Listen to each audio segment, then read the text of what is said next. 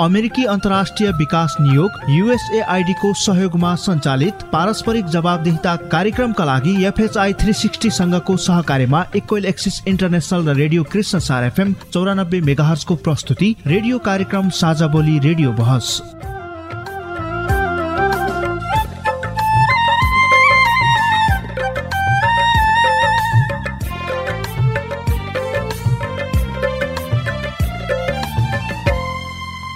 नमस्कार साझा बोली रेडियो बहसमा तपाईँलाई स्वागत छ। म माया अधिकारी। साझा बोली रेडियो बहसमा हामी नागरिक समाज आम सञ्चार माध्यम र सार्वजनिक निकाय बीचको पारस्परिक जवाबदेहिता र आपसी दिगो सम्बन्धका विषयमा बहस गर्छौं।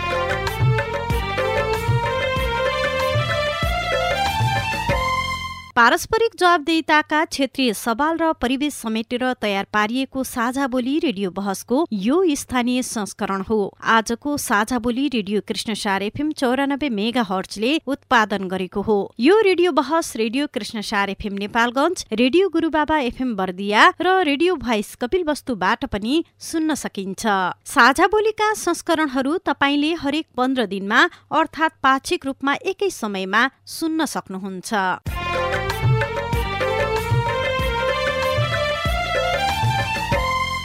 साझा बोली रेडियो बहसको यस सत्रको यो स्थानीय संस्करणको आज बाइसौं भाग हो। झण्डै चार वर्ष अघिदेखि प्रसारण भइरहेको साझा बोली यस वर्ष रेडियो बहसका रूपमा उत्पादन तथा प्रसारण भइरहेको छ।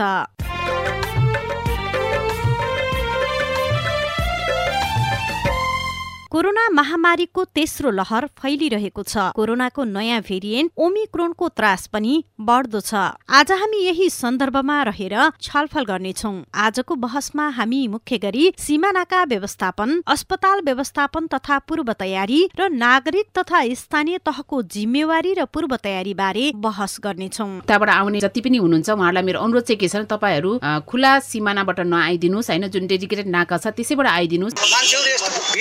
अब लाएको मान्छे पनि नलाएको मान्छे पनि त्यसैमा संक्रमित हुने सम्भावना धेरै देखिन आयो यहाँ त्यस्तै यसै सम्बन्धमा तपाईँ सिधा प्रश्नको सिधा जवाब पनि सुन्न सक्नुहुन्छ। ज्वरो आएको छ रुगाखोकी लागेको छ भने चाहिँ यो लाइनमा बसिदिनुहोस् है भनेर भनेर लाइनमा राख्न त हामीलाई समस्या छैन त्यो गर्न सक्छौँ।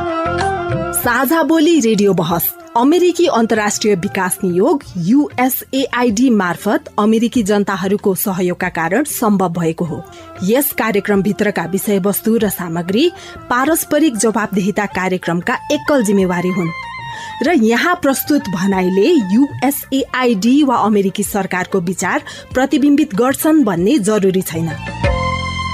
साझा बोली रेडियो बहसमा तपाईँलाई फेरि स्वागत छ। बहसका लागि उपस्थित भइसक्नु भएको छ नेपालगञ्ज उपमहानगरपालिकाका उपप्रमुख उमा थापा मगर नेपालगञ्ज भेरी अस्पतालका नर्सिङ निर्देशक दुर्गा लक्ष्मी श्रेष्ठ र नेपाल सशस्त्र प्रहरी बल नेपाल तीस नम्बर गणका सशस्त्र प्रहरी उपरीक्षक अशोक बम। यहाँहरूलाई साझा बोलीमा हार्दिक स्वागत छ। धन्यवाद। हस् धन्यवाद। अहिले तेस्रो लहरको सुरुवाती छ। छिमेकी देशहरूमा कोरोना संक्रमण बढेकै कारण नेपालमा पनि यो दिन प्रतिदिन बढिरहेको छ। त्यसैले सबैभन्दा पहिला त हामीले जमुना नाकाको व्यवस्थापन कसरी गर्ने भन्ने सम्बन्धमा छलफल गर्न जरुरी छ। यसै सम्बन्धमा हामी सुरुमा सीमामा आवजावत गरिरहेका केही नागरिकको आवाज सुन्छौँ त्यसपछि हामी छलफल गर्छौँ नाम दिलबहादुर मेरो इन्डिया गुजरात समस्या त यस्तो समस्या बिहानबाट दस बजीबाट अहिलेसम्म लाइनै लाइन अब समस्या कोरोना लाग्यो मान्छे साथमै छन् नलाग्यो साथमै छन्। अब पोजिटिभ नेगेटिभ मान्छे दुइटै अलग अलग चेन्जिङ छैन अब सब भेला भेल धक्कला धक्कल अब त्यही हो समस्या भनेको। लागेको मान्छे पनि त्यहीँ छन् नलागे पनि त्यहीँ छन् त्यही बसेछन् बेन्चमा। एक अर्कालाई सर्ने डर त अनिवार्य म गणेश कुन रोल्पादेखि इन्डियादेखि आएको यहाँ लगभग चार घन्टा चाहिँ वेट गर्नु पऱ्यो नाकामा समस्या त्यस्तो त केही भएन। अनि सबभन्दा हामीले यहाँ चेक गराउने बेला ज्यादा भिड भएर ढिलो भयो त्यही हो। हजुर नेगेटिभ पनि आयो। एकजनाको पोजिटिभ आयो अनि उहाँलाई आइसोलेसनमा लग्नु भएको छ। अनि बाँकी साह्रै सबै नेगेटिभ छ। मेरो नाम कुसुमा बुढाथोकी रुकुम खलङ्गा ठारा ढुङ्गा भन्नुपर्छ यससित अनि के गर्ने अब आफ्नो कर्तव्य पुरा गर्नुपर्छ है यो कोरोनाको चेक गऱ्यो भने आफूलाई राम्रो हो। अब उतातिर पनि अब जहाँ पनि कार्यान्वयन खोज्छ नि अहिले त त्यही भएर अनि चेक गरौँ भनेर बस्छौँ। हिजो बाह्र बजीतिरदेखि खाना खाएको हेर्नु न अहिलेसम्म अहिले एक बजिसक्यो नि। अहिलेसम्म केही पनि छैन त्यही समय चाहिँ कुर्नु पऱ्यो लाइन लाग्नु पऱ्यो लाग्नु पऱ्यो तिन चार घन्टा जति लाग्नु पऱ्यो लागेको पनि हैछन् नलागे पनि हैछन् नि। आफूलाई सर्ने डर भयो नि। एक्चुली अहिले गुजरात अहमदाबादबाट नोकरी गरेर आउँदैछु। आउँदाखेरि यहाँ बोर्डरमा चेक मतलब यो पिसिआर गरेर जानुपर्छ भन्नुभयो तर हामीले यो सिचुएसन देख्दाखेरि भुल के एक एक अर अर्कालाई एकदम मान्छेहरू यस्तो भिड छ यहाँ। अब लाएको मान्छे पनि न नलाएको मान्छे पनि त्यसैमा सङ्क्रमित हुने सम्भावना धेरै देखिन आयो यहाँ।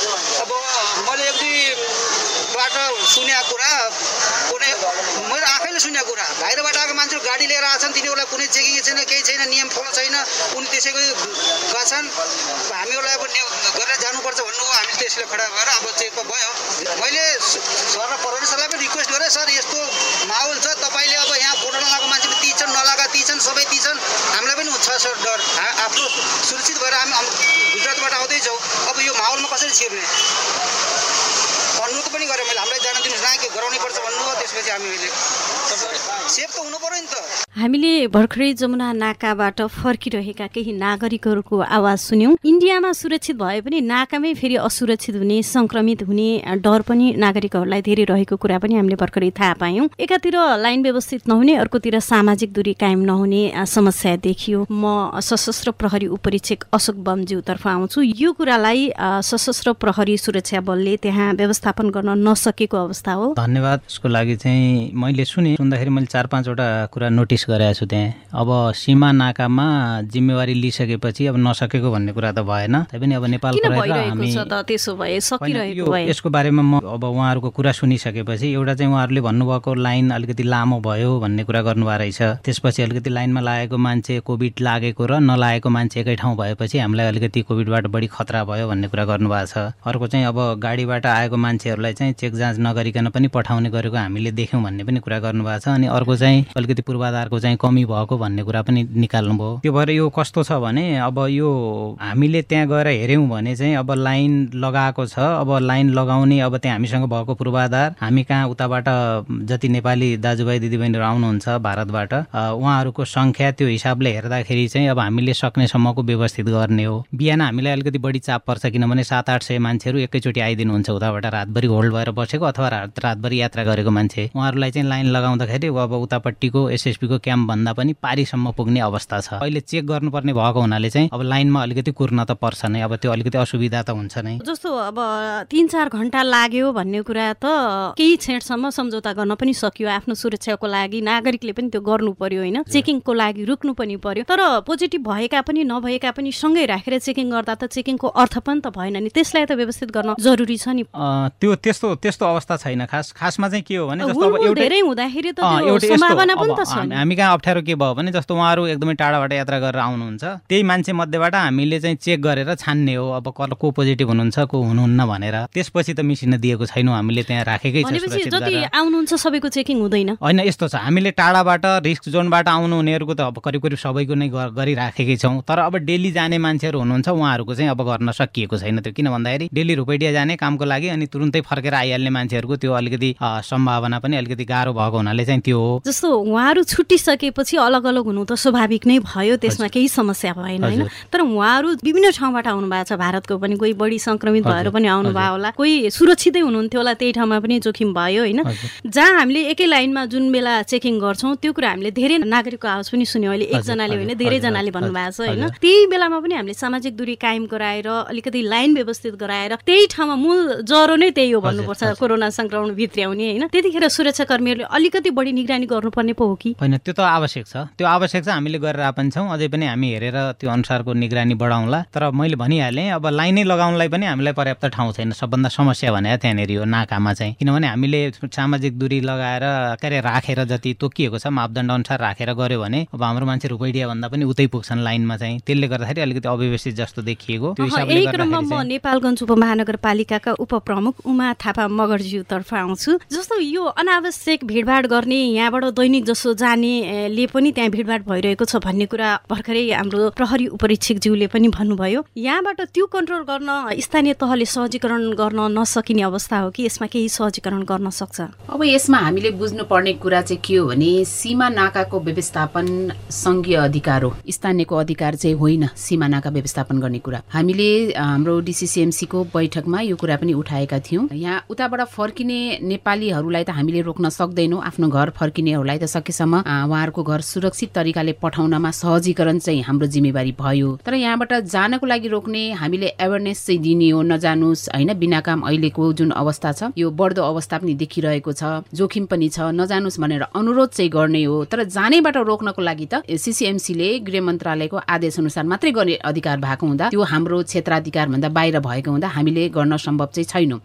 यहाँले जुन कुरा भन्नुभयो यो हाम्रो अधिकार क्षेत्रभन्दा बाहिरी कुरा पनि छ रोक्ने कुरा भन्नुभयो। तर यहाँले अघि भनेको जस्तो जनचेतना उहाँहरूलाई अनुरोध गर्न त सकिन्छ नि। किनकि यो बेलामा नागरिक पनि अलिकति उत्तरदायित्व वहन गरिदिनु भयो उहाँहरू पनि जिम्मेवार भइदिनु भयो भने पक्कै पनि यो समस्या समाधान हुन सक्ला। यहाँले त्यो लेभलबाट त अहिले भनेको जस्तै भूमिका खेल्न सक्नुहुन्छ नि। एकदम एकदम। त्यसमा हामीले नेपालगञ्ज उपमहानगरपालिका स्तरीय एउटा संरक्षण विषयगत क्षेत्र समन्वय समिति छ जो चाहिँ हिजोको दिनमा हामीले कोरोनाकै अवस्थालाई मध्यनजर गरेर उपप्रमुखको संयोजकमा गठन गरेको एउटा समिति हो। त्यो समितिको बैठक बसेर नै हामीले त्यो निर्णय पनि गरिसकेका छौँ र सकेसम्म नागरिकहरूलाई बिना काम किनभने सानो सानो कामको लागि पनि अहिले त तरकारी किन्न पनि चिनी लिन पनि नजानुस् भनेर अनुरोध पनि गर्ने एवेरनेस दिने खालका चाहिँ विभिन्न जनचेतनामूलक सचेतनामूलक होइन रेडियो टेलिभिजन पत्र पत्रिका माइकिङ लगायतका चाहिँ कामहरू अगाडि बढाउने भनेर चाहिँ निर्णय पनि भएको छ र सुरु पनि भइसकेको छ। यो काम हामीले सुरुवात गरिसकेका छौँ। हामी अघिदेखि छलफल गरिरहेका छौँ सिमा नाका व्यवस्थापन सम्बन्धी। हामी एकछिनपछि अस्पतालका व्यवस्थापनका कुरा पनि गरौँला। अब म यही सिमा नाका व्यवस्थापन सम्बन्धी सवालमै भेरी अस्पतालका नर्सिङ निर्देशक दुर्गा लक्ष्मी श्रेष्ठज्यूसँग आउँछु। यहाँले अघिदेखि कुरा सुनिरहनु भएको छ। यसमा यहाँको केही सुझाव छ यो विषयमा? धन्यवाद यहाँलाई। जुन अहिले मैले अघिदेखि नै यो सिमा नाका व्यवस्थापन जाँचका कोभिड जाँचका कुराहरूमा चाहिँ धेरै कुराहरू सुने जुन हाम्रो सशस्त्रको सरले पनि भन्नुभयो हाम्रो हाम्रो उपप्रमुखज्यूले पनि यसमा धेरै कुराहरू भन्नुभयो। आफ्ना चाहिँ के चाहिँ आफ्ना चाहिँ होइन गर्न पाउने नपाउने आफूलाई के कुराले चाहिँ होइन निर्दिष्ट गरेछ भन्ने कुराहरू भन्नुभयो। तर मलाई अलिकति लागेको कुरा चाहिँ के भन्दा जस्तै अघि हामीले आवाज पनि सुन्यौँ त्यहाँ जनताको त्यहाँ भएको चाहिँ होइन जनताको आवाज पनि सुन्यौँ। उहाँहरूलाई के समस्या छ भन्ने खालको कुराहरू सुन्दाखेरि चाहिँ मलाई लागेको कुरा चाहिँ के भन्दा जस्तै हाम्रो लामो भिड छ भन्ने कुरा भयो। जनशक्तिको कुरा यहाँनिर आइरहेछ होइन। हामीले त्यसलाई कसरी ब्रेक गरेर धेरै जनशक्तिबाट होइन थोरै मान्छेहरूलाई सर्भिस दिन सक्यो भने त लामो लाइन हुँदैन एउटा है। जस्तै ब्रेक गर्नु पर्यो नि त। लाइनलाई ब्रेक गर्नलाई कि त हामीलाई बुथहरू धेरै चाहियो कि जाँच गर्ने नम्बरहरू धेरै चाहियो। त्यसले गर्दाखेरि के हुन्छ त त्यो लाम जुन जुन लाइनको जुन लामो लाइन छ नि त्यसलाई ब्रेक गर्न सकियो एउटा मलाई लाग्यो। अर्को कुरा जुन यहाँ जुन जनताहरूले भन्नुभयो नि जस्तै हामी चाहिँ एउटा लाइन यत्रो लामो लाइनमा बस्छौँ त्यहाँ चाहिँ कसलाई होइन कोभिड होला कसलाई नहोला हामीलाई पनि त सर्न सक्छ। हामी झन् चाहिँ जोखिममा रह्यौँ भन्ने खालको कुरा उहाँहरूको कुरा जायज पनि हो। र हामीले एउटा के चाहिँ गर्न सक्छौँ यसमा? अब यो गाह्रो कुरा किनकि हामीले जाँच नगर्दै कसलाई कोभिड छ कसलाई छैन भन्न त सक्दैनौँ। र पनि जुन हामीले एउटा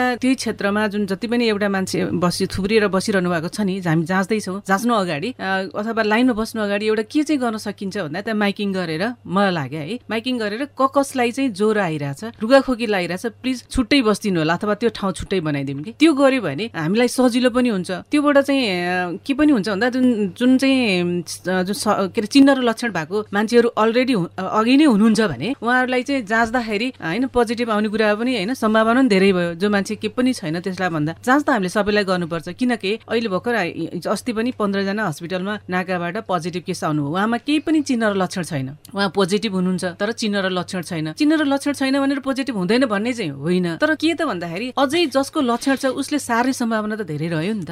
म यहाँकै सुझावलाई लिएर सशस्त्र प्रहरी उपरीक्षक अशोक बमज्यूतर्फ आउँछु। उहाँको सुझावलाई अब त्यहाँ व्यवस्थित त्यही तरिकाले गर्न सकिन्छ?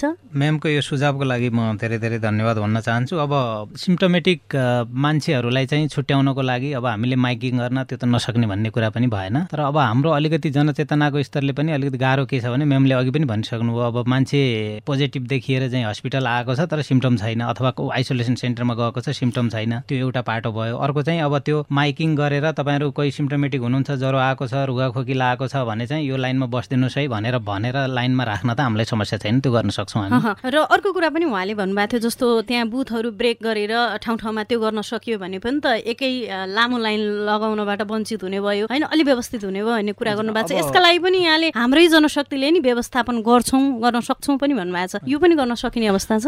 यसमा चाहिँ के छ भने अब म्यामको सुझाव एकदम राम्रो छ। अब त्यो हामीले टेस्ट गर्नका लागि अब बुथहरू अलिकति भनौँ न अब टेस्ट गर्ने स्थान चाहिँ अथवा जनशक्ति अलिकति बढी खटाउँछ। अब उपप्रमुखज्यूले भन्नु होला यो कुरा त म भन्दा पनि बढी। तर जति भयो पाँचवटा सातवटा दसवटा जति भयो भने त्यहाँ लाइन लागेर मान्छेलाई पठाउनलाई त हामीलाई केही पनि समस्या छैन। यसै क्रममा अब हामी फेरि सीमा नाकामा हेल्थ डेस्कमा बसिरहनुभएका ल्याब टेक्निसियन अनि अयबको पनि आवाज सुन्छौँ। त्यसपछि थप छलफल गर्छौँ। हजुर नमस्कार। म चिरञ्जीवी गेमाली हेल्थ डेस्क जमुनाको ल्याब इन्चार्ज। समस्या छ हजुर यो भयावह हुने स्थिति देखिरहनु भएको छ। सबै उताबाट आउने व्यक्तिलाई सम्भव भएसम्म अल टोटललाई चाहिँ चेक गर्ने त्यसपछि नाकामा अनावश्यक ओहोर गर्ने व्यक्तिहरूलाई नियन्त्रण गर्ने र उताबाट आउने लेबरदेखि लिएर अनावश्यक दिनको तिन चार चार ओहोर गर्ने व्यक्तिहरूलाई कन्ट्रोल गर्न आवश्यक देख्दछु मैले।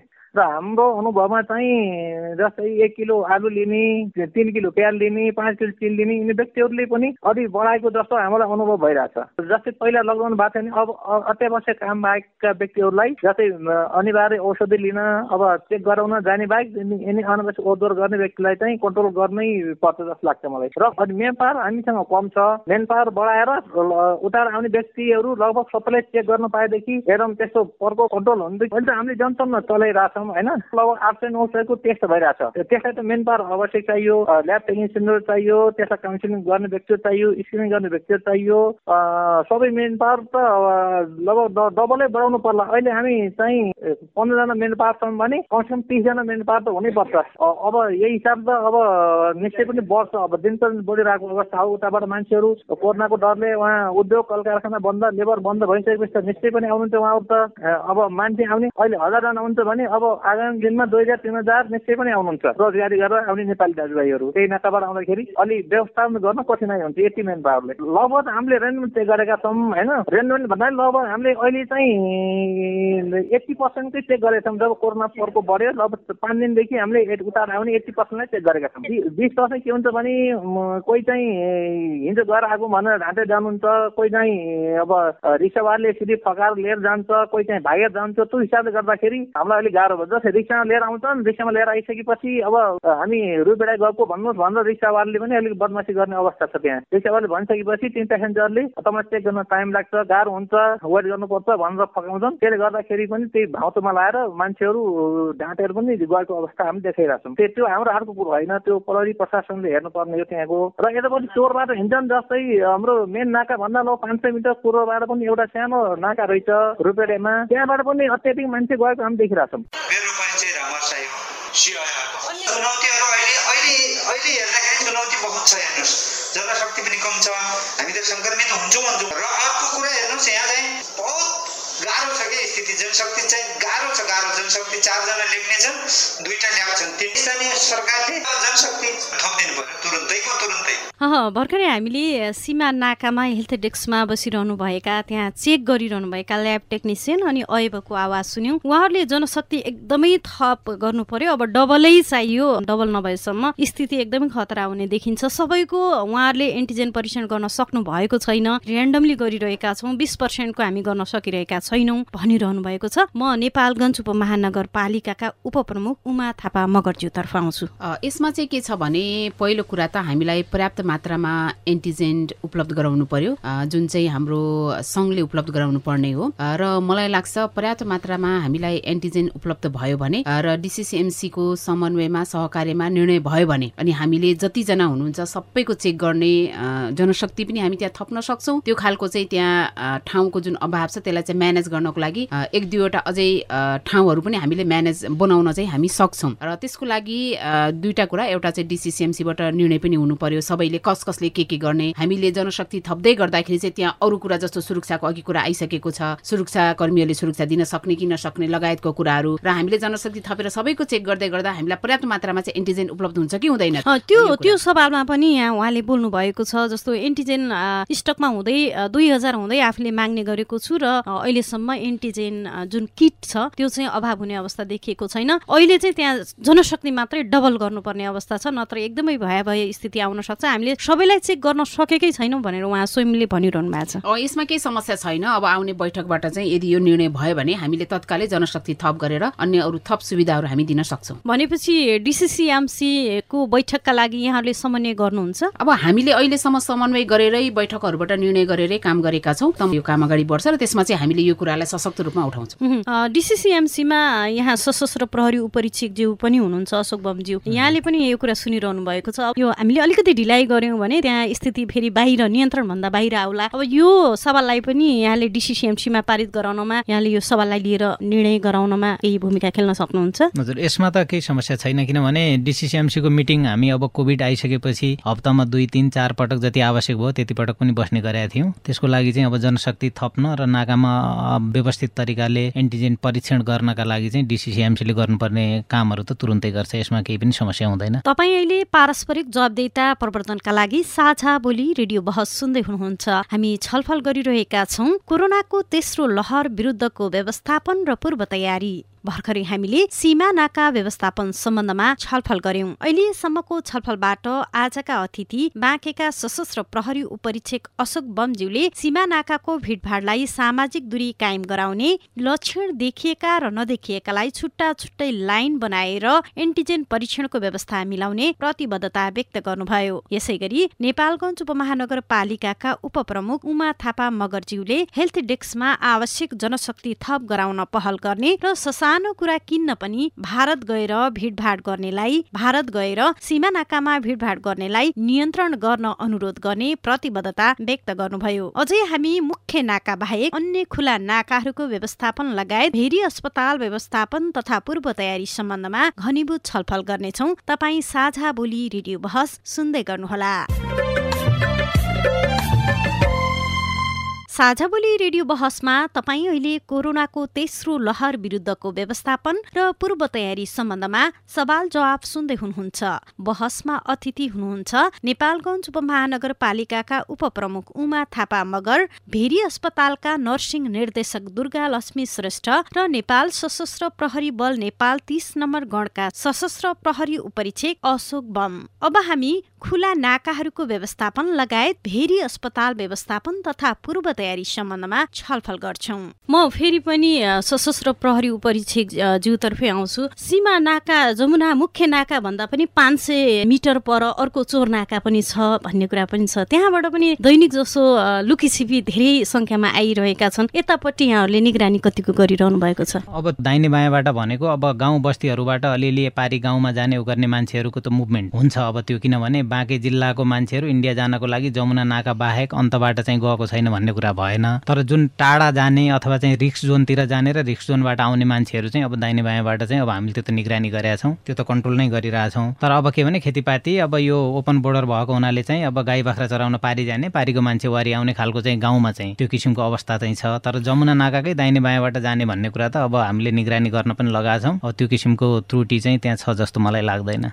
जस्तो यहाँले अहिले भर्खरै भन्नुभयो त्यो छिमेकीहरू यताउता गर्नु त त्यति ठुलो समस्या नहोला होइन? जुन टाढाबाट आउनुहुन्छ उहाँहरू त्यहाँ तिन चार घन्टासम्म लाइन लाग्नुभन्दा त त्यही बाटो ठिक छ भनेर पाँच सय मिटर हिँड्नु उहाँलाई गाह्रो नहोला। त्यो पनि त छ नि। होइन त्यो त्यही त उहाँहरूको मैले भनिहालेँ लोकल मान्छे त्यसो भए यहाँ एकदम ढुक्क हुनुहुन्छ त्यहाँ चाहिँ अब निगरानी बढाउन जरुरी छैन। जति गरिरहनु भएको छ त्यो पर्याप्त छ भन्नेमै हुनुहुन्छ होइन यस्तो यसमा चाहिँ के हुन्छ भने सुरक्षाको हिसाबले हेर्दाखेरि चाहिँ अब हामी पर्फेक्ट भयौँ भन्ने हुँदैन कहीँ पनि। किनभने कहीँ न कहीँ लुपोल हुनसक्छ त्यसको स्टडी हामी गर्छौँ होइन। म यही सवाललाई लिएर नेपालगञ्ज उपमहानगरपालिकाका उपप्रमुखज्यूतर्फ आउँछु। अहिले भर्खरै सशस्त्र प्रहरी उपरीक्षकज्यूले जुन कुरा भनिरहनु भएको छ त्यसमै हामी सन्तुष्ट गर्ने ठाउँ छ अन्य नाकाहरूका लागि पनि। छैन अब हामी सन्तुष्ट छैनौँ। हामीले पटक पटक यो कुराहरू उठाएका पनि छौँ। सीमा नाकाको सुरक्षाको जिम्मेवारी हाम्रो सशस्त्र बललाई छ होइन? उहाँहरूले राम्रो तरिकाले सीमा नाकाको सुरक्षा गरिदिनु पर्यो। कतिपय अवस्थामा हामीलाई यो खालको कम्प्लेनहरू पनि आइरहेको छ। मैले अगाडि नै भने हाम्रो अधिकार क्षेत्रभन्दा यो चाहिँ गृह मन्त्रालय सङ्घीय सरकारको अधिकार क्षेत्र भएको हुँदाखेरि हामीले कुरा उठाउन मात्रै भएको छ। यसलाई गम्भीरतापूर्वक लिएर काम गर्ने एउटा जुन वातावरण भएको छैन त्यसको धेरै कारण छ। जस्तो उहाँहरूको पनि गुनासो के छ भने पर्याप्त मात्रामा हामीसँग जनशक्ति छैन पर्याप्त मात्रामा हामीसँग स्रोत साधनहरू छैन भन्ने खालको उहाँहरूको पनि आफ्नो छुट्टै खालको गुनासोहरू छ। त्यो गुनासोलाई सकेसम्म हामीले कहाँ लबिङ गरेर हुन्छ सम्बोधन गराउने प्रयास चाहिँ हामीले गरिरहेका छौँ। तर खुला सिमानाबाट यो चाहिँ आवत जावतको क्रम चाहिँ रोकिएको चाहिँ छैन। र मेरो अनुरोध के पनि छ भने सकेसम्म उताबाट आउने जति पनि हुनुहुन्छ उहाँहरूलाई मेरो अनुरोध चाहिँ के छ भने तपाईँहरू खुला सिमानाबाट नआइदिनुहोस् होइन? जुन डेडिकेटेड नाका छ त्यसैबाट आइदिनुहोस्। त्यसले एउटा सम्भावना चाहिँ हाम्रो लागि सकारात्मक के हुन सक्छ भने जोखिम न्यूनीकरण हुन सक्छ फेरि पनि म सशस्त्र प्रहरी उपरीक्षक ज्यूतर्फै आएँ। भर्खरै उपप्रमुखज्यूले भन्नुभएको जस्तो यो आवश्यक जनशक्ति बढाउनु पर्ने पो हो कि? पक्कै पनि अब सीमा नाकामा त्यति धेरै जनसङ्ख्या ओहोर दोहोर गर्दाखेरि त आवश्यक जनशक्ति त थप्नुपर्छ नै होला। थपिरहनु भएको चाहिँ के छ अवस्था? यसमा चाहिँ के छ भने पहिला दुई हजार छत्तर साल चैत्र एघार गतेबाट जब नेपाल सरकारले पहिलोपटक लकडाउन गर्यो कोभिड एकदमै धेरै फैलिएपछि। त्यो बेलामा चाहिँ हाम्रो अब सीमा अलिकति सुरक्षित राख्नुपर्छ भन्ने हिसाबले बाँके जिल्लामा मात्रै हाम्रो करिब आठ सय भन्दा बढी मान्छेहरू सीमामा मात्रै परिचालित थिए। पछि अवस्था अलिकति नर्मल आइसकेपछि उनीहरू अब अन्य हाम्रो कार्यालयहरूबाट यहाँ ल्याएको जनशक्ति थियो उहाँहरू फर्केर जानुभयो। त्यो भइसकेपछि अहिले हामी चाहिँ हाम्रै जनशक्तिबाट गरेर काम गरिरहेछौँ भने करिब चार सय प्लस मान्छेहरू चाहिँ हाम्रो बोर्डरमा छन्। अब त्यसरी नेपाल सरकारले नै अब हामी चाहिँ नाका कम्प्लिटली सिल गर्नुपर्छ। अब मान्छेलाई आवत जावत गर्न दिनु हुँदैन। भन्यो भने त जनशक्ति हामीले व्यवस्थापन गर्नै पर्छ जसरी पनि। नाका बन्द गरिसकेपछि मात्रै आवश्यक जनशक्ति थप गर्नुपर्छ भन्ने कुरा पनि अहिले पनि त थप्न आवश्यक छ नि होइन? र अहिले त हजारौँ व्यक्तिहरू ओहोरदोहोर गरिरहनु भएको छ। अघि त्यहाँ हामीले आज पनि सुनिरहेछौँ सबैलाई व्यवस्थित गर्न सकिएको छैन होइन? सबैलाई लाइन लाउन सकिएको छैन कोही भागेर हिँडिरहेछन् कोही लुकेर हिँडिरहेछन् भनेपछि अहिले थप्न जरुरी छ नि त पछि बिग्रिसकेपछि यसो होइन मैले भन्न खोजेको कस्तो भने व्यवस्थापन गर्ने कुरा भएको हुनाले चाहिँ हाम्रै जनशक्तिले गर्न सक्छौँ भन्ने कुरा हो। तर अब कम्प्लिटली सिल गर्नुपर्छ भने त यो जनशक्तिले पुग्दैन। कस्तो भएको छ भने हजुरको हाम्रो पारिपट्टि चाहिँ अब सीमा सुरक्षा बल छ सशस्त्र सीमा सुरक्षा बल छ उतापट्टि एसएसबी हाम्रो काउन्टर पार्ट उहाँहरूको चौबिस पच्चिसवटा युनिट छ हामी कहाँ जम्मा यतापट्टि दसवटा मात्रै छ। हामी त्यसै पनि अब अलिकति उनै छौँ। बोर्डरको हिसाबले चाहिँ उपस्थिति अलिकति कम छ हाम्रो कुरा जस्तो अघि पनि यहाँले भनिसक्नु भएको छ जनशक्ति थप गर्ने कुरा हाम्रो अधिकारको क्षेत्रको कुरा होइन। हामीलाई त खटाइयो भने गर्ने हो भन्ने कुरा गर्नुभएको छ। तर यो बढिरहँदाखेरि हामी अब अपेक्षा के गर्छौँ भने आवश्यक जनशक्ति समयमै माग गरियोस्। यहाँले अब माग गर्न सक्नुहुन्छ। होइन त्यो त यस्तो छ। मैले भनिहालेँ नि हाम्रो चाहिँ सीमा सुरक्षाको हिसाबले गर्दाखेरि जस्तो अब भएकै जनशक्तिले मिलाउने कि नयाँ थप्ने अब नेपाल सरकारसँगै माग्ने कि जनशक्ति हामीलाई अलिक बढी चाहिन्छ भनेर भन्ने दुईवटा पाटो भयो यो। अब यसमा चाहिँ के हुन्छ भने अब बाँकेमा मात्रै बढ्छ भन्ने त भएन यो देशैभरि बढ्ला।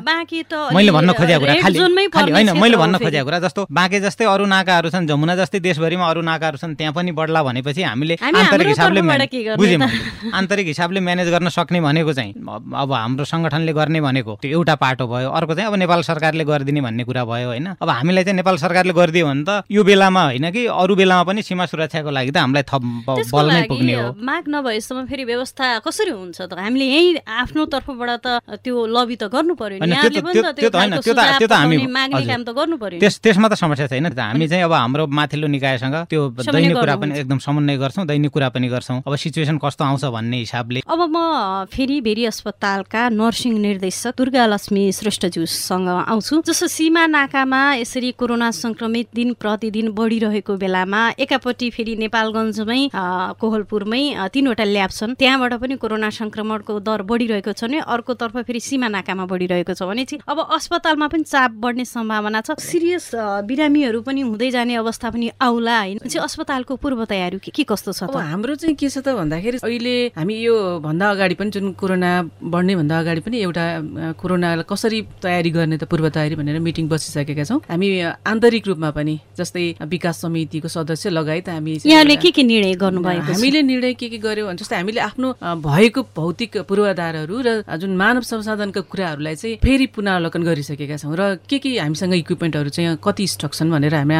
त्यो चाहिँ यो भेरी अस्पतालमा अब कतिजना जति बिरामीलाई थेक्न सक्ने बेडहरू छ। अहिले चाहिँ जुन कोभिडकै लागि भनेर छुट्याएका बेडहरू चाहिँ झन्डै हाम्रो नब्बेवटा बेडहरू छ नब्बे बेड दोस्रो लहरमा दुई सय चालिस बेड छ है। हजुर बिरामी हजुर बिरामी चाहिँ त्यसरी आए। त्यतिसम्मलाई पनि थेक्ने सक्ने व्यवस्था गरिएको थियो। त्योभन्दा पनि घटेको अवस्था छ। अब यसरी संक्रमितको संख्या बढेको बढै छ। अब यतिले पुग्ला त पूर्व तयारी त आवश्यक होला नि। आवश्यक त पर्यो भने हामी बिस्तारै अरू चाहिँ कोभिड नभएका बिरामीहरूलाई अन्त सिफ्ट गरेर हामीले सबै कोभिड हस्पिटल बनाउन पनि सक्ने हिजो जे गर्यौँ नि त्यो कुरालाई हामी फेरि फलो गर्न सक्छौँ र अर्को कुरा जस्तो दोस्रो लहरमा यहाँले जस्तो जना जति नर्सहरूलाई फेरि थपिएको थियो। होइन यस्तो पछि फेरि हटाइएको छ। यस्तो छ हाम्रो चाहिँ दोस्रो लहरमा के थियो धन्दै सयजना नर्सेसहरू हुनुहुन्थ्यो। होइन त्यो चाहिँ हामीलाई प्रदेश सरकार र सङ्घीय सरकारले सपोर्ट गरेको थियो है। जस्तै प्रदेश सरकारले हामीलाई टोटल जनशक्ति एक सय चौन्नजना चाहिँ सपोर्ट गरेको गरेको थियो। प्रदेशले बिस्तारै हाम्रो केस चाहिँ भनौँ न घटेर एक दुईजना भइसके पछाडि त्यति धेरै जनसङ्ख्या उनीहरूले अहिले चाहिँदैन होल्ड गरौँ भनेर उहाँहरूले चाहिँ भनेपछि अब होल्ड भयो तेस्रो लहर यदि संक्रमण फैलियो भने उहाँहरू तुरुन्तै परिचालन हुन सक्ने अवस्था छ त। हामीले के गरिरहेछौँ भन्दा जस्तै यो जुन लहर फैलेसँगै प्रदेश सरकारसँग पनि अब जनशक्ति यस्तै होइन तीव्र गतिमा चाहिँ संक्रमण बढ्दै जाने हो अथवा चाहिँ बिरामीको चाप बढ्दै जाने हो भने पुग्दैन। हामीले प्रदेश सरकारबाट पनि हामीलाई सहयोग चाहिन्छ जनशक्तिको सहयोग चाहिन्छ। हामीलाई अहिले मुख्य समस्या भनेको जनशक्ति। र चाहिँ हामीले सङ्घीय सरकारमा पनि हामीले हाम्रो चाहिँ अहिले चालिसजना नर्सेसहरूले काम गरिरहनु भएको छ। हामीले अब यो चाहिँ सङ्क्रमणको चाप बढ्दै गइसके पछाडि सङ्घीय सरकारमा हामीले चाहिँ उहाँहरूलाई चाहिँ अनुरोध गरिरहेका छौँ। चिठीहरू पठाइरहेका छौँ भनेपछि यहाँले माग गरिसक्नु भएको छ। सबैतिर माग भइसकेको छ। तर उहाँहरू अहिलेको अवस्थालाई हेरेर उहाँहरूले मात्रै फिफ्टी पर्सेन्ट जनशक्ति मात्रै दिन सक्छौँ भन्ने खालको कुरा छ जुन हाम्रो चालिस नर्स चालिसमा बिस हुन सक्छन्। अब त्यतिले त हाम्रो जनशक्ति पुग्दैन होइन? तर हामी तत्कालै फेरि के गर्दैछौँ त भन्दा हामीसँग जुन नियुक्त नगरेका रिक्त दरबन्दीहरू चाहिँ हामीले समितिबाट स्वीकृत गराएर दरबन्दी चाहिँ बिसजना नर्सेसहरूको छ। त्यो पनि भोलि पर्सिमा हामी भ्याकेन्सी खोल्दैछौँ। किनभने तयारी त गर्दै गर्नु पर्यो अर्को कुरा हिजोको जुन कोभिडमा हामीले धेरै दुःख पाएको भनेको अक्सिजन हो है अक्सिजनमा चाहिँ साह्रै भनौँ न अक्सिजन कमी भएर अथवा अक्सिजन नपुगेर होइन हामीलाई व्यवस्थापन गर्न गाह्रो भएको भनेपछि बिचमा त्यसका लागि पनि थुप्रै लिक्विड ट्याङ्कका कुरा आए फेरि लिक्विड ट्याङ्कै लागि हामीले टेन्डर गरिसकेका छौँ त्यसको लागि सम्झौता भइसकेका छ। फेरि हामीले त्यति मात्रै नभएर अक्सिजन प्लान्टको पनि हामीले टेन्डर गरेर होइन त्यो चाहिँ सम्झौता भइसकेको छ तर उसले हामीलाई चाहिँ त्यो प्लान्ट चाहिँ डेलिभरी गरिसकेका छैन। र त्यो अलावा पनि हामीसँग धन्दै एक सय अस्सीवटा चाहिँ सिलिन्डर छ होइन अक्सिजन सिलिन्डर छ भनेपछि यसपालि चाहिँ यसपालि नागरिकहरूले अक्सिजनका लागि चाहिँ तडपिनु पर्दैन भनेर हामी त्यो पक्षबाट चाहिँ सन्तुष्ट हुन सक्ने अवस्था छ। अब यस्तो छ। हामीले एक्सपेक्टेसन गरेको अब अनुसारको बिरामीको जवाब भयो।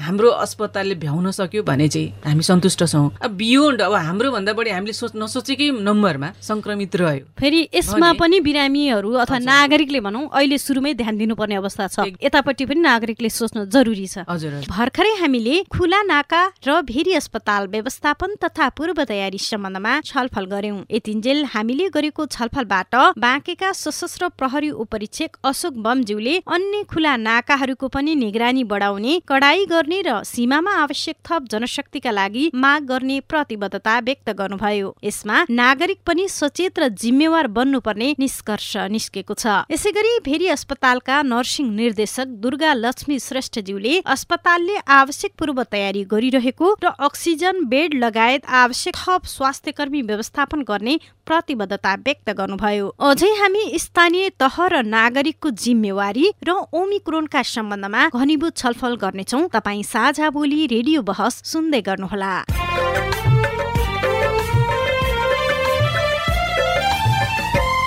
साझा बोली रेडियो बहसमा तपाईँ अहिले कोरोनाको तेस्रो लहर विरुद्धको व्यवस्थापन र पूर्व तयारी सम्बन्धमा सवाल जवाब सुन्दै हुनुहुन्छ। बहसमा अतिथि हुनुहुन्छ नेपालगञ्ज उपमहानगरपालिकाका उपप्रमुख उमा थापा मगर भेरी अस्पतालका नर्सिङ निर्देशक दुर्गा लक्ष्मी श्रेष्ठ र नेपाल सशस्त्र प्रहरी बल नम्बर तीस नम्बर गण बाँकेका सशस्त्र प्रहरी उपरीक्षक अशोक बम। साझा बोली रेडियो बहसमा अब हामी स्थानीय तह र नागरिकको जिम्मेवारी र ओमिकोरोनका सम्बन्धमा विषयमा छलफल गर्छौँ। अब हामी कपिल वस्तुका नागरिक समाजका कोषाध्यक्षज्यूको आवाज सुनौ त्यसपछि छलफल गरौँ। नमस्कार म अर्जुन पोखरेल। अहिले यो पछिल्लो अवस्थामा यो ओमिक्रोन लगायत अब खास गरी यो नयाँ भेरिएन्टको विषयमा सबैतिर एक खालको चाहिँ त्रास पनि छ। कपिल वस्तु लगायतका अब तराईका धेरै जिल्लाहरूमा चाहिँ यो इन्डियाबाट आउने खास गरी चाहिँ इन्डियाका अब मजदुरहरू लगायत चाहिँ अरू थुप्रै रोजगारबाट फर्किनेहरूलाई उनीहरूलाई चाहिँ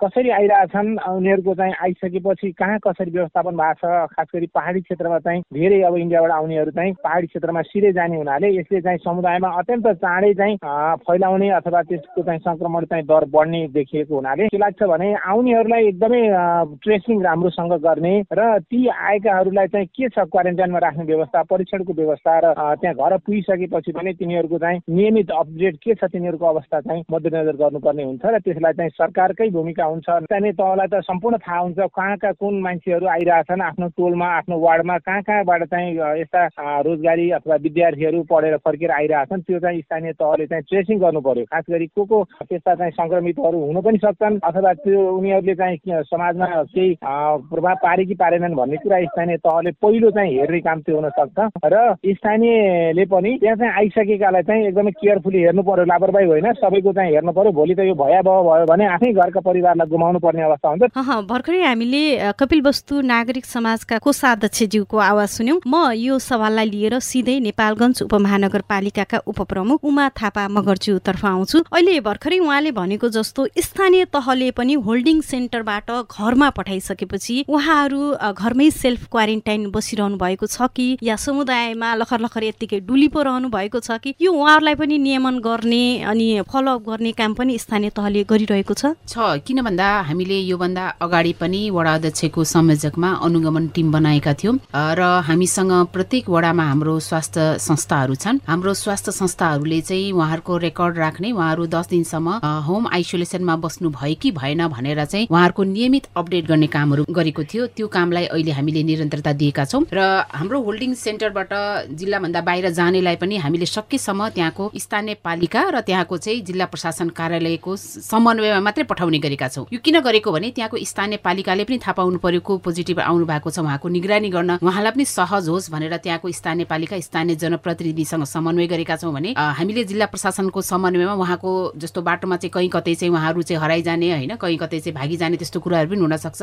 यसकारणले गर्दा त्यो कामको लागि हामीले त्यहाँका चाहिँ प्रशासनहरूसँग पनि हामीले समन्वय गरेका छौँ र हाम्रो स्थानीय स्तरमा पनि कोही पोजिटिभ हुनुहुन्छ भने हामी उहाँहरूको नियमित दस दिनसम्म चाहिँ उहाँको अवस्था के छ अपडेट पनि गर्छौँ रेकर्ड पनि राख्छौँ र अनुगमन गर्ने काम चाहिँ हाम्रो वडामा वडा अध्यक्षज्यूको संयोजकमा हुन्छ भने समग्रमा नगरमा चाहिँ हामी आफै अनुगमन गर्न हिँडिरहेका हुन्छौँ। यसमा फेरि अब सीमित कर्मचारीले अब सीमित वडा समितिका व्यक्तित्वहरूले पनि धेरै नागरिकलाई फलोअप गर्दाखेरि त्यहाँ पनि केही कमी कमजोरी त्रुटिहरू अथवा नभ्याइरहेको जे पनि अवस्था हुन सक्ला। त्यसमा नागरिकलाई के भन्न चाहनुहुन्छ? यसमा नागरिकको दायित्व पनि केही जोडिएको छ कि? एकदमै जोडिएको छ। किन भन्दाखेरि नागरिक स्वयं सचेत नहुने हो भने हामीले मात्रै कतिसम्म चाहिँ उहाँहरूलाई अनुगमन गर्ने नियमन गर्ने प्रतिबन्ध लगाउने होइन। त्यो कहिलेकाहीँ चाहिँ अलिक हिंसक पनि हुन सक्छ यस कारणले गर्दा नागरिक आफै सचेत हुने त पहिलो शर्त हो। यस कारणले गर्दा नागरिक समुदायले पनि कोही पोजिटिभ आउनु भएको छ आफ्नो वरिपरि भने उसलाई चाहिँ तिमी घरमा सुरक्षित तरिकाले बस भनेर चाहिँ अनुरोध गर्ने होइन? त्यसपछि त्यस्तो कुनै घटनाहरू भएको छ भने तत्काल हामीलाई त्यसको जानकारी गराउने। सबै ठाउँमा हामी नपुग्न सक्छौँ कहिले काहीँ थाहा पनि हामीलाई नहुन सक्छ। त्यसमा चाहिँ उहाँहरूले हामीलाई चाहिँ एक खालको सहकार्य समन्वय गरिदिन सक्नुहुन्छ। नागरिकको चाहिँ सहयोग चाहिँ हामीले खोजेका छौँ। यहाँ छ बजे भन्दा पछाडि स्टाफहरू बस्नुहुन्न हेल्थ डेस्कमा भन्ने कुरा छ र दस बजेसम्म जबकि फर्किन पाउनुहुन्छ उहाँ।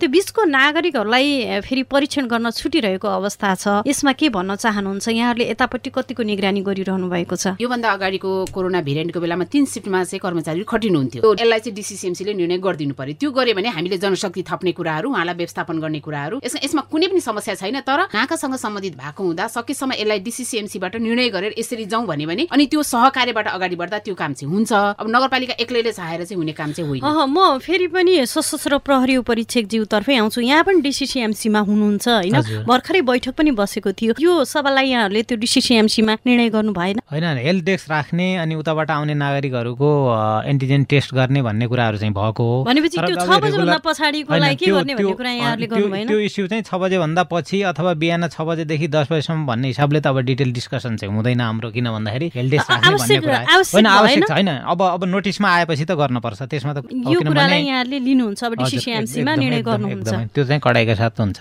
अब म भेरी अस्पतालका नर्सिङ निर्देशक दुर्गा लक्ष्मी श्रेष्ठज्यूतर्फ आउँछु। यो ओमिक्रोन ओमिक्रोन भन्ने अहिले हल्ला भइरहेको छ होइन? तथापि ओमिक्रोन पुष्टि गर्ने प्रविधि बाँकेमा छैन काठमाडौँ पठाउनुपर्छ भन्ने कुरा पनि आइरहेको छ। एक महिना अगाडिको स्वाप पनि परिपत्र नआएकै कारण बाँकेमै थन्किएको छ भन्ने समाचार पनि आइरहेको छ। ती व्यक्ति कहाँ छन्? यो तरिकाले पनि जोखिम अब कम हुन्छ त। अनि यो प्रविधि चाहिँ बाँकेमा भित्राउन नसकिने अवस्था हो। अहिलेको जुन ओमिक्रोनको कुरा आइरहेछ ओमिक्रोनको टेस्ट गर्ने भनेको चाहिँ पहिला पहिला त नेपालमा पनि थिएन बाहिर पठाउनु पर्थ्यो होइन। तर अहिले चाहिँ नेपालको राष्ट्रिय जनस्वास्थ्य प्रयोगशाला टेकुले चाहिँ गरिरहेछ बिस्तारै एकदमै अब यो चाप बढिसके पछाडि चाहिँ उहाँहरूले मात्रै पनि यो भ्याउने कि नभ्याउने अथवा गर्ने कि नगर्ने भन्ने कुराहरू चाहिँ अलिकति गाह्रो परिरहेको छ। र यो ओमिक्रो हो कि होइन भने हेर्नको लागि हाम्रो भेरीमा पनि के छ भन्दा ट्रायल हुँदैछ होइन। अरू कोरोना पोजिटिभमा जस्तै यसमा पनि जिनको एनालाइसिसहरू गरिन्छ होइन? त्यो एस जिन टार्गेट फेलर भनेर टेस्ट हामीले सुरु गर्दैछौँ। अब यो एस जिन चाहिँ भयो भने अथवा एस जिन चाहिँ होइन राम्रोसँग देखियो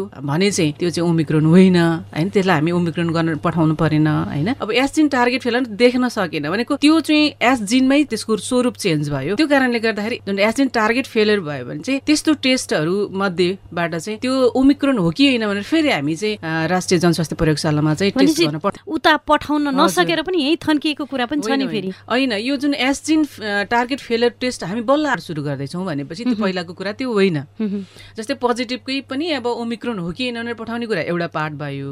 अब अहिले पनि अब अहिले अब अलिकति टेस्ट घटाउनुको लागि भनौँ न यहाँनिर अलिकति केही पार्ट चाहिँ हामीले भनौँ न इन्स्योर इन्स्योर गरेर। पठाउने कुराहरू चाहिँ भइरहेछ। अब हाम्रो हामीसँग अहिले भर्खरै यो यसको चाहिँ एन्टिजिन आएको छ झन्डै एक हजार जति आएको छ एक हजार हुन्जेल त हामी यो गरौँला होइन? त्यस पछाडि सप्लाई रेगुलर भयो भने त्यो कन्टिन्यू हुन्छ। हामीले हेर्दैछौँ यसको लागि चाहिने उपकरणहरू यहीँ पर्याप्त छ कि फेरि मगाउनु मगाउनु पर्छ? हामीलाई मन्त्रालयले जनस्वास्थ्य प्रयोगशालाले जुन राष्ट्रिय जनस्वास्थ्य प्रयोगशाला हामीलाई पठाउनु पर्छ त्यो पठाएपछि मात्रै हामीलाई उपलब्धता हुन्छ र हामीले गर्न सक्छौँ। भनेपछि अब अब त्यसका लागि पनि यहाँहरू पूर्व तयारी हुनु पर्यो। थप माग्नु पर्ने अवस्था त पक्कै छ। माग्नु त हामी मागेकै छौँ। मागे जति आउँदैन। उनीहरूले देशभरिलाई पठाउनु पर्ने हुन्छ नि त। हाम्रो मात्रै प्रयोगशाला त छैन। त्यसले गर्दाखेरि हामीले माग्छौँ मागेको केही मात्रा मात्रै आउँछ हामीसँग। हामीले चाहे जतिको माग अनुसारको हाम्रो आउँदैन। त्यसले गर्दा हामीले चाहेर पनि त्यो टेस्टहरू जति गर्नु पर्यो त्यति गर्न सकिरहेको अवस्था होइन। तर अहिलेको सन्दर्भमा के छन् एकदम धेरै टेस्ट भएको कारणले गर्दाखेरि हामीले केही स्याम्पल त पठाउँला भेरिफिकेसनको लागि। तर सबै स्याम्पल पठाउन सम्भव छ कि छैन? अब पठाउन सम्भव पनि छैन। अब यसका लागि के मात्रै भनिएको छ भन्दा जस्तै यदि एसजिन टार्गेट फेलर हो भने मोटामोटी रूपमा ओमिक्रोन पोजिटिभ हो भन्ने खालको कुरा पनि आइरहेको छ। है त्यो कारणले गर्दा यसरी हामी टेस्ट अगाडि बढाउँदैछौँ। उहाँसम्म पठाउन नपर्ने अवस्था यहीँबाट पनि इन्स्योर गर्न सक्ने अवस्था धेरै भएकाले त्यो लेभलमा पनि जाँदै हुनुहुन्छ। त्यो लेभलमा जाँदैछु। बिरामीले लक्षण पुरानै लक्षण बेहोर्नु पर्ने हो कि नयाँ लक्षण लक्षणको साथसाथै यसले यो ओमिक्रोनले चाहिँ प्रायः जस्तो चाहिँ यो घाँटीलाई समातिरहेको देखिएको छ होइन? थ्रोटलाई समातेको देखेको छ भने डेल्टाले चाहिँ एकैचोटि लङ्समा अथवा चाहिँ फोक्सनलाई नै असर गरेको देखेको छ। अब हामी फेरि बर्दिया जिल्ला बढियाताल गाउँपालिकाका प्रमुख लालबहादुर श्रेष्ठको आवाज सुन्छौँ। बर्दिया बढियातालका प्रमुखज्यूसँग साथी अनुज थारूले कुराकानी गर्नुभएको छ। पहिले हामी त्यो कुराकानी सुन्छौँ त्यसपछि छलफल गर्छौँ। अब फेरि लकडाउन भयो भने अति विपन्न वर्गको रोजीरोटीको लागि के के कस्ता पूर्व तयारी हुँदैछ? अब त्यसको स्थिति हेरेर हामीले कति सहयोग गर्न सकिन्छ के अवस्था हुन्छ त्यो कतिको उसमा जान्छ सबै आम रूपमा बन्द गर्न पर्ने परिस्थिति हुन्छ कि हुँदैन? अब भयो भने अब हाम्रो अब सङ्घीय सरकारले पनि त्यो विषयमा सोच्ला प्रदेशले पनि सोच्ला। अब हामीले हाम्रो क्षमता बजेटबाट चाहिँ हामी त्यसको गर्न सक्ने राहतको व्यवस्थापन सहयोग हामी गर्छौँ र त्यही त्यही आधारमा योजना बनाइरहेको छौँ र यद्यपि अब त्यसको प्रभाव आउँछ भन्ने कुरा अहिले यकिन गर्न सकिने कुरो भएन। अब म फेरि नेपालगञ्ज उपमहानगरपालिकाका उपप्रमुख उमा थापा मगरज्यूतर्फ आउँछु। अहिले भर्खरै हामीले बर्दिया बडिया तालका गाउँपालिका प्रमुखज्यूले भनेको जस्तो नेपालगञ्जमा पनि अब यो स्थिति आउला होइन? हामी तयारी गरिरहेका छौँ पूर्व तयारी कसरी नागरिकको स्वास्थ्यलाई बचाउने भनेर। नागरिक पनि त्यसमा त्यत्तिकै उत्तरदायित्व जिम्मेवार हुनुहुन्छ। उहाँहरूले पनि सचेत हुन जरुरी छ। हामीले छलफलबाट यही निष्कर्ष निकालिरहेका छौँ। तथापि भोलि भयावह स्थिति आइहाल्यो फेरि लकडाउन गर्नु पर्यो भने फेरि अति विपन्न वर्गहरू भोकभोकै मर्नुपर्ने अवस्था पनि आउने होला। अब हामी राम्रोसँग उकास्न नपाउँदै फेरि यो लहर आइपुगेको छ होइन? त्यसले गर्दा अझै स्थिति गम्भीर होला यो रोजीरोटीको सवालमा। यतापट्टि पनि उपमहानगरपालिकाले केही सोचिरहेको छ? हामीले सोचेका मात्रै छैनौँ। हामीले बैठक बसेर हामीसँग योभन्दा अगाडि जुन एउटा प्रोटेक्सन क्लस्टर एउटा टिम थियो त्यसमा हामीले छवटा विषयगत एउटा उपसमिति बनाएका थियौँ जसमा चाहिँ उद्धारको कुराहरू पनि थियो उपचारको कुराहरू पनि थियो पिसिआर टेस्टको कुराहरू पनि छ र सँगसँगै कहाँ के समस्या छ भनेर सूचना सङ्कलनको कुराहरू तथ्याङ्क राख्ने कुराहरू र राहत वितरणको कुराहरू यो सबै त्यो हाम्रो जुन प्रोटेक्सन क्लस्टर भनेर एउटा चाहिँ हामीले समिति बनाएका छौँ त्यो अन्तर्गत पर्दछ र त्यो अन्तर्गत परेका त्यो सम्पूर्ण हामीले उपसमितिहरूलाई सक्रिय बनाएका छौँ र यसमा खास गरेर लक्षित वर्ग भनेर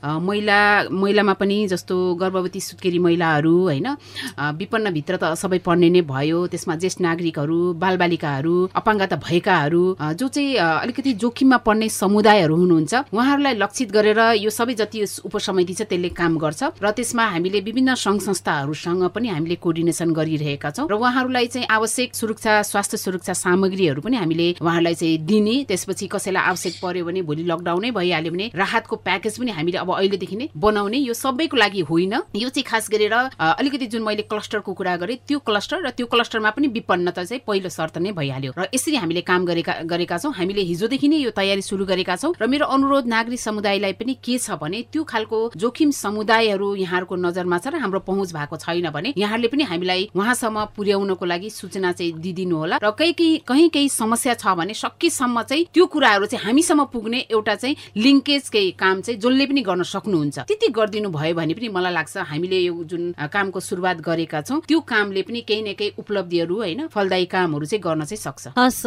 यहाँहरूलाई महत्त्वपूर्ण कुराकानीका लागि अनि प्रतिबद्धताका लागि यहाँहरू तिनैजनालाई धेरै धेरै धन्यवाद। धन्यवाद।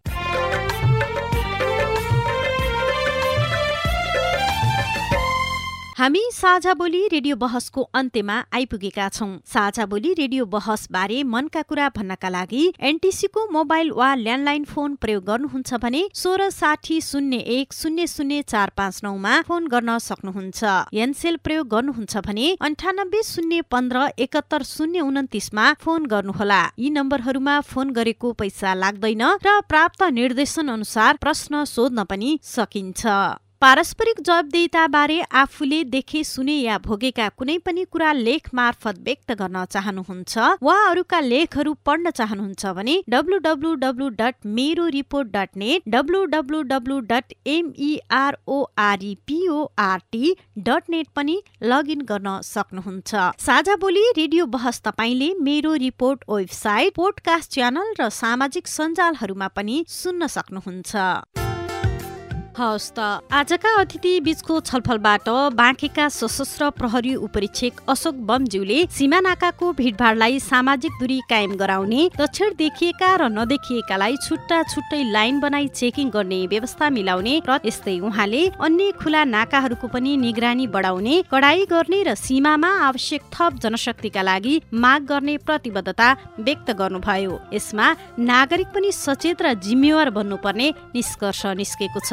यसै गरी नेपालगञ्ज उपमहानगरपालिकाका उपप्रमुख उमा थापा मगरले हेल्थ डेस्कमा आवश्यक जनशक्ति थप गराउन पहल गर्ने र ससानो कुरा किन्न पनि भारत गएर सीमामा भिड गर्नेलाई नियन्त्रणका लागि नजान अनुरोध गर्ने र उनीहरूलाई सचेत गराउने प्रतिबद्धता व्यक्त गर्नुभयो। यसै गरी सीमा नाकामा राति दस बजेसम्म हेल्थ डेस्क राख्नका लागि पहल गर्ने उपप्रमुख उमा थापा मगर र सशस्त्र प्रहरी उपरीक्षक अशोक बमजुले प्रतिबद्धता व्यक्त गर्नुभयो। यसै गरी भेरी अस्पतालका नर्सिङ निर्देशक दुर्गा लक्ष्मी श्रेष्ठज्यूले अस्पतालले आवश्यक पूर्व तयारी गरिरहेको जनाउँदै अक्सिजन बेड लगायतका आवश्यक थप स्वास्थ्य कर्मी व्यवस्थापन गर्ने र ओमिक्रोन सुनिश्चित गर्न पूर्व परीक्षणका लागि अर्थात् एस जिन परीक्षणका लागि आवश्यक किटहरू बेलैमा माग गर्ने प्रतिबद्धता व्यक्त गर्नुभयो। यसै गरी भारतबाट वा अन्य स्थानबाट फर्केकाहरू समुदायमा घुमिरहेका छन् वा सेल्फ क्वारेन्टाइन बसिरहेका छन् भनेर